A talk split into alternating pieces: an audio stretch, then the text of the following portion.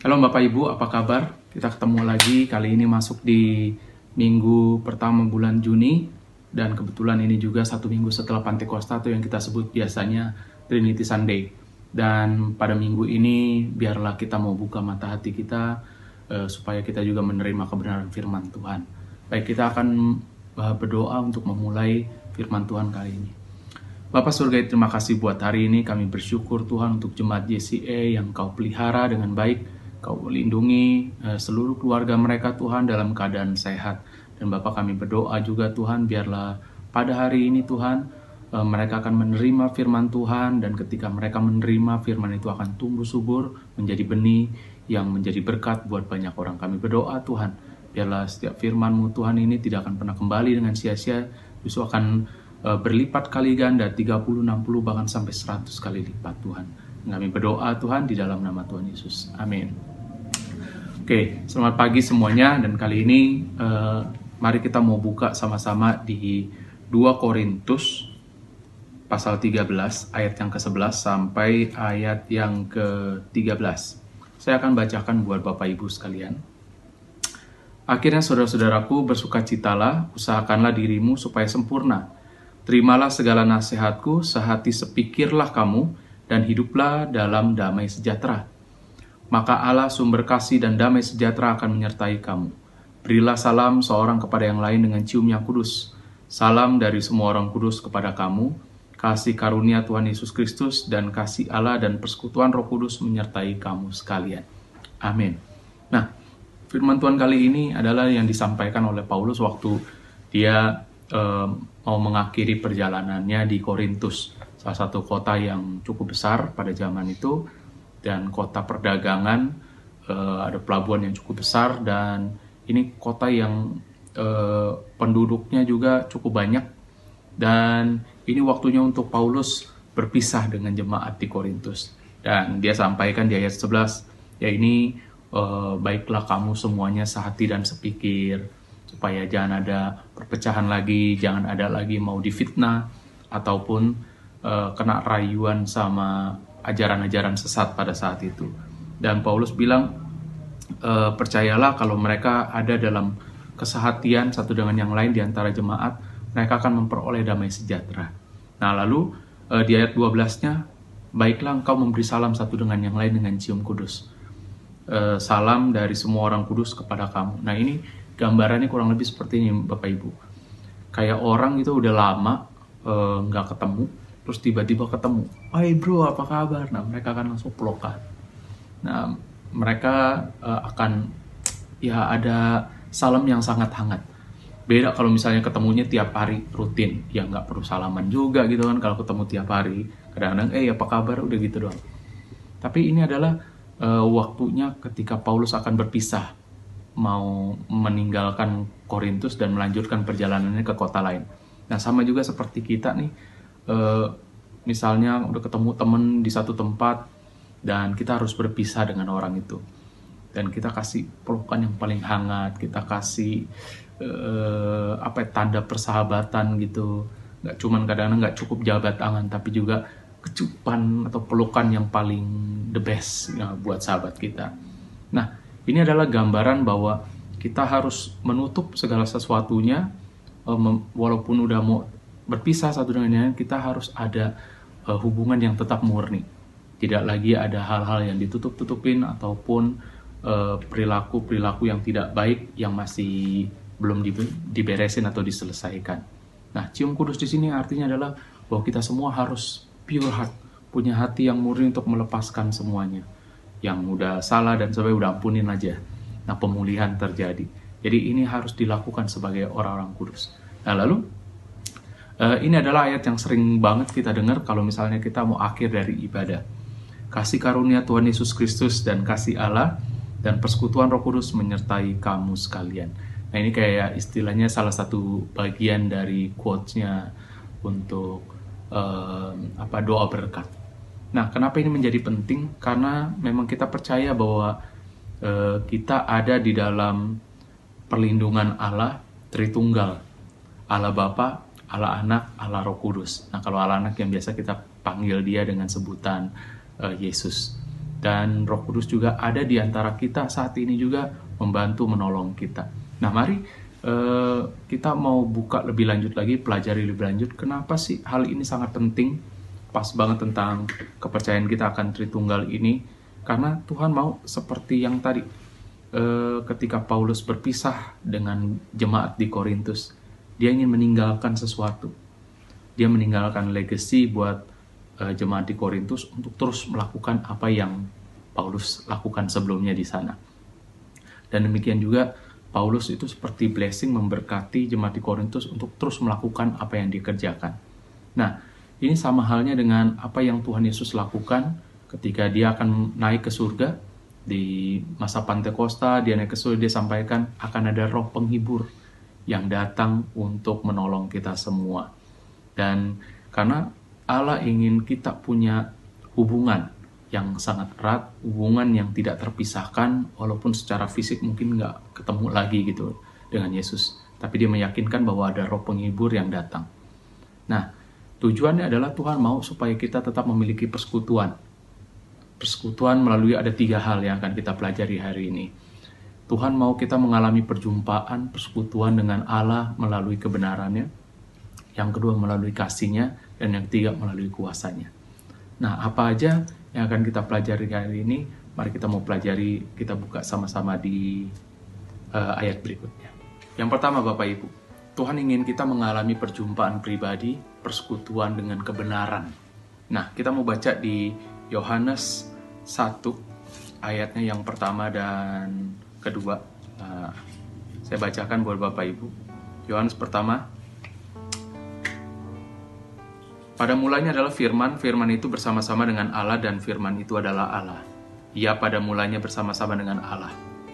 Nah, lalu ayat yang ke-14, firman itu telah menjadi manusia dan diam di antara kita dan kita telah melihat kemuliaannya, yaitu kemuliaan yang diberikan kepadanya sebagai anak tunggal Bapa, penuh kasih karunia dan kebenaran.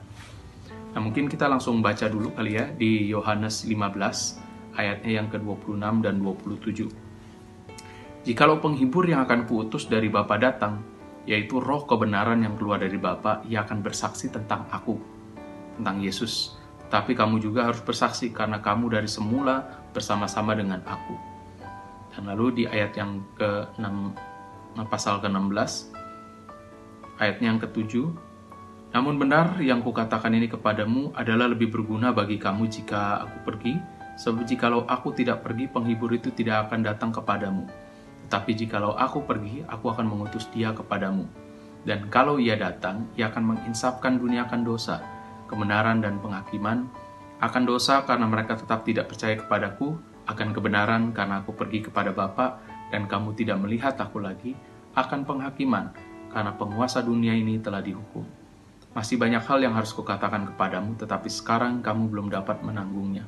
Tetapi apabila ia datang, yaitu roh kebenaran. Ia akan memimpin kamu ke dalam seluruh kebenaran, sebab ia tidak akan berkata-kata dari dirinya sendiri, tetapi segala sesuatu yang didengarnya itulah yang akan dikatakannya, dan ia akan memberitakan kepadamu hal-hal yang akan datang. Amin.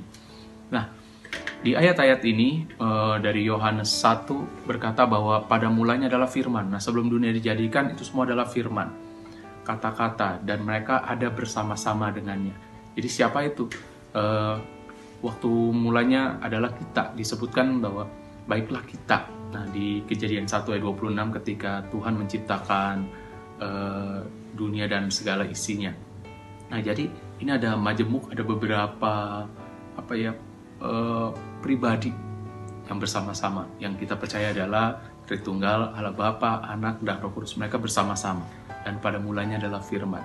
Nah, firman ini akhirnya menjelma menjadi manusia di ayat 14 eh, katakan, yaitu Yesus sendiri yang akhirnya diutus untuk menjadi uh, korban, untuk menjadi anak yang akan mewakili untuk menebus dosa kita. Nah, lalu di ayat 15 adalah uh, Yesus sebelum dia mati disalibkan dan bangkit lalu naik ke surga, dia juga menjanjikan bahwa akan ada roh penghibur penuh karunia. Nah, di ayat 26 dikatakan bahwa roh kebenaran yang keluar dari Bapa, ia akan bersaksi dari nah, dia keluar dari Bapa, jadi bagian dari Bapa. Nah, Roh Kudus adalah bagian dari keseluruhan semuanya. Yesus juga Nah, mereka adalah uh, satu uh, apa ya? Kita bisa bilang adalah tiga pribadi yang memiliki fungsi yang berbeda-beda, tapi mereka tetap satu. Nah, kekuatan dari ketiganya ini uh, sebagai lambang ataupun simbol uh, sebagai bentuk unity atau kesatuan. Mereka tiga pribadi yang menyatukan seluruh pikiran, mereka menyatukan segala uh, isi hatinya, semuanya untuk diberikan yang terbaik buat manusia. Nah, perjumpaan dengan kebenaran ini adalah roh kebenaran yang memerdekakan kita, kebenaran yang uh, membuat kita menyingkapkan hal-hal yang tidak terlihat, menyingkapkan hal-hal yang tidak kita tahu, sehingga kita akhirnya memperoleh uh, uh, enlightenment, kita memperoleh pencerahan. Bapak Ibu, tiga pribadi ini, Allah Bapa, Allah Anak, dan Allah Roh Kudus, mereka bertiga ada menjadi bagian dalam hidup kita dan mereka selalu siap untuk menolong hidup kita. Nah, kenapa uh, pentingnya untuk mereka mengalami kita juga manusia perlu mengalami perjumpaan melalui kebenaran. Nah, mungkin saya uh, coba cerita melalui kejadian yang ada di Lukas 24 ya mungkin saya akan langsung ya Lukas 24 ketika Tuhan Yesus sudah bangkit dan dia berjumpa atau berjalan berjumpa dengan murid-muridnya di jalan Emmaus nah murid-muridnya nggak tahu ini siapa dua orang ini jalan di Emmaus lalu ada satu orang hampir yaitu Tuhan Yesus tapi mereka nggak mengenali dan inilah dia ketika mereka berbicara sepanjang perjalanan, mereka merasa bahwa kok nyaman dengan ngobrol dengan orang ini. Lalu kedua muridnya ini bilang, e, mampir aja ke rumah yuk. Lalu ketika mereka ajak mampir, karena udah mulai gelap, Yesus ada di sana dan ketika mereka makan, Yesus memecah-mecahkan roti. Dan tiba-tiba terbukalah mata mereka. Mereka langsung ingat dan mereka bilang, Guru. Dan langsung semua yang mereka ingat pelajaran yang Tuhan berikan selama dia hidup itu terbuka mendapatkan pencerahan.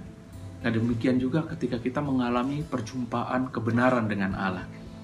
Ada hal-hal yang akan dibukakan oleh Tuhan, akan ada hal-hal yang uh, dicerahkan. Mungkin dengan ide-ide yang baru, mungkin dengan hal-hal yang baru, mungkin dengan pengalaman yang baru yang akan Tuhan ajarkan. Nah, pentingnya perjumpaan melalui kebenaran karena kita pun perlu dimerdekakan supaya roh kita ini selalu bebas. Roh kita akan selalu mengalami kebenaran. Amin. Yang kedua, Bapak Ibu sekalian, kita mau mengalami perjumpaan, persekutuan dengan Allah melalui kasihnya. Nah, jadi perjumpaan melalui kasihnya, mari kita mau baca sama-sama di 1 Yohanes 4 ayat yang ketujuh sampai yang ke-12. Saudara-saudaraku yang kekasih, marilah kita saling mengasihi, sebab kasih itu berasal dari Allah. Dan setiap orang yang mengasihi lahir dari Allah dan mengenal Allah. Barang siapa tidak mengasihi, ia tidak mengenal Allah, sebab Allah adalah kasih. Dalam hal inilah kasih Allah dinyatakan di tengah-tengah kita, yaitu bahwa Allah telah mengutus anaknya yang tunggal ke dalam dunia, supaya kita hidup olehnya. Inilah kasih itu, bukan kita yang telah mengasihi Allah, tapi Allah yang telah mengasihi kita dan yang telah mengutus anaknya sebagai pendamaian bagi dosa-dosa kita. Saudara-saudaraku yang kekasih, jikalau Allah sedemikian mengasihi kita, maka haruslah kita juga saling mengasihi. Tidak ada seorang pun yang pernah melihat Allah jika kita saling mengasihi. Allah tetap di dalam kita dan kasihnya sempurna di dalam kita. Nah, ada kerinduan yang sangat besar di hati Tuhan bahwa Tuhan ingin berjumpa dengan kita secara pribadi melalui kasihnya.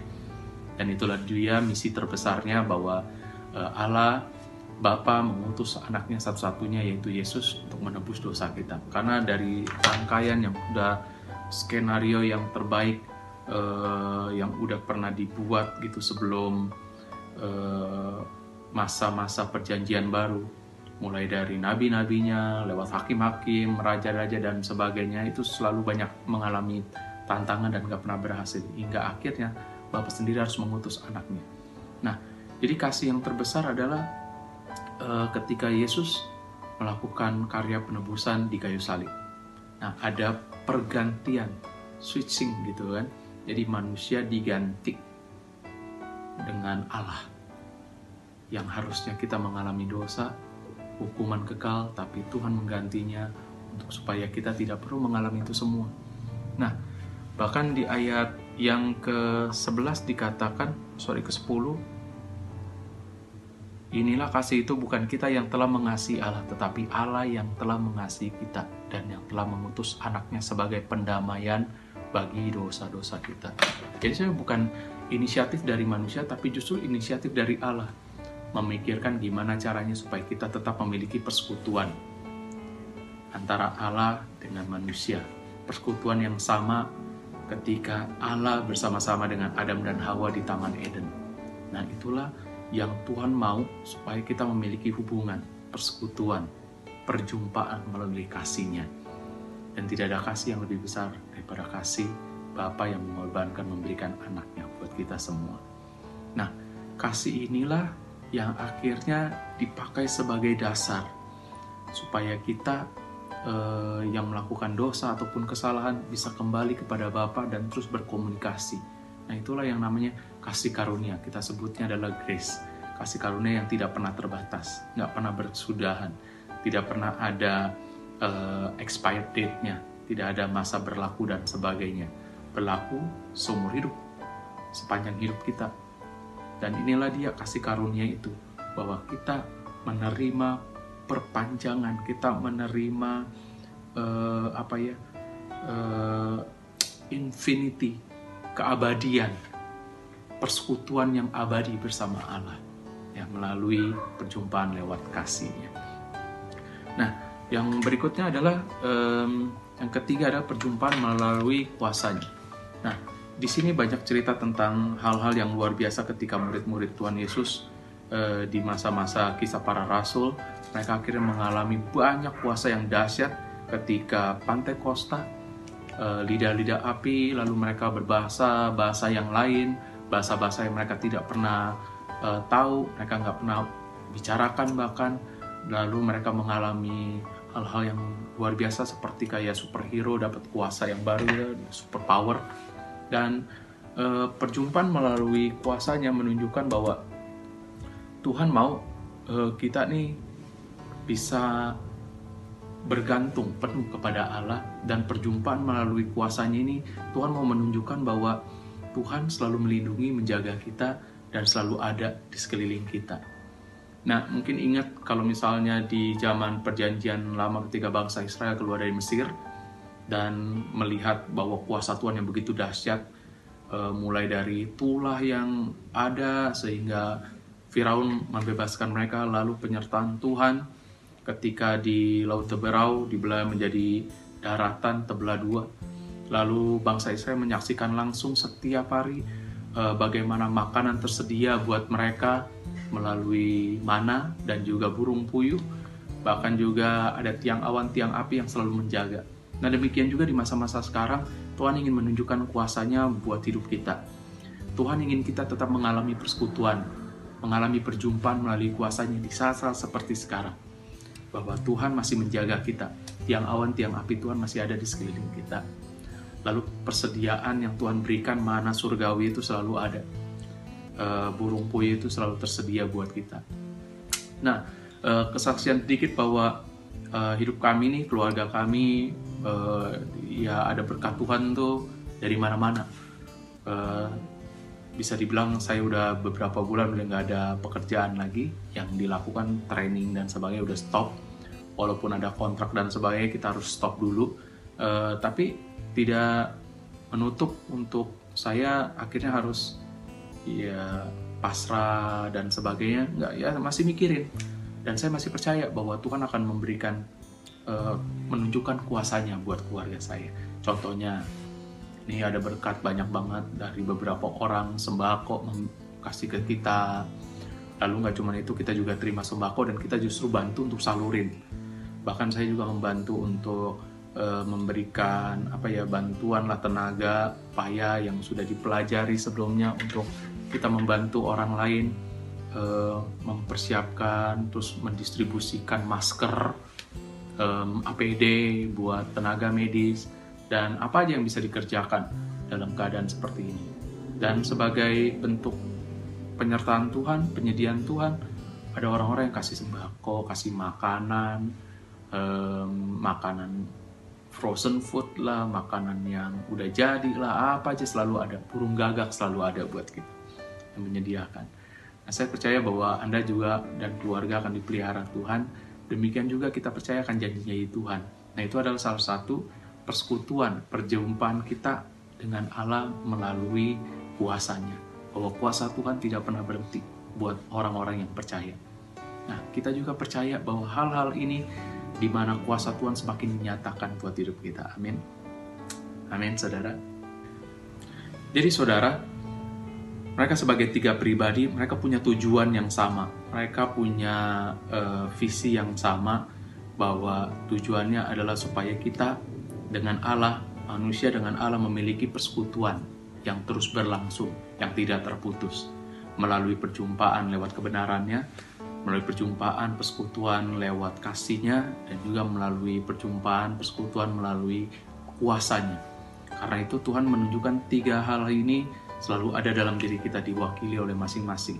Itu kasih Allah, Bapa, yang kebenaran Tuhan Yesus yang menjelma menjadi manusia dan semua yang diungkapkan dari mulutnya adalah kebenaran dan kuasa dari Roh Kudus yang selalu menyertai kita. Walaupun secara kasat mata mungkin kita tidak bisa menyaksikan, tapi percayalah bahwa dia hadir.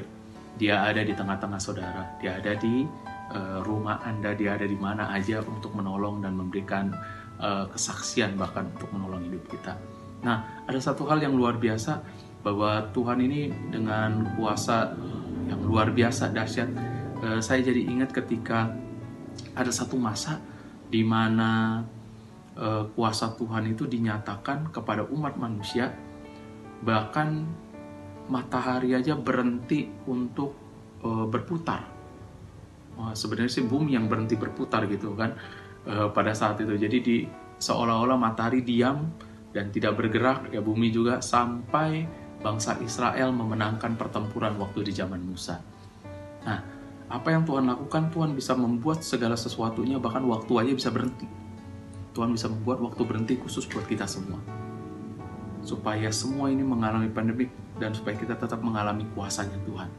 Lalu atau ada satu lagi yang uh, istilahnya kalau misalnya Anda punya handphone sekarang smartphone-nya kan udah dilengkapi dengan fitur yang namanya uh, uh, time lapse dan juga slow mo ya slow motion dan sebagainya. Nah, bagaimana Tuhan penguasa ruang dan waktu ingin menunjukkan kepada kita mungkin kalau uh, saudara ingat cerita tentang ketika Tuhan Yesus melakukan mukjizat yang pertama yaitu e, disuruh oleh ibunya Maria untuk mengubah air menjadi anggur. Dan Yesus menjawab, e, "Ibu, waktuku belum tiba." Tapi Maria dengan iman percaya, "Kamu lakukan yang harus kamu lakukan." Dan akhirnya Tuhan Yesus menyuruh untuk satu orang uh, sorry, uh, siapa?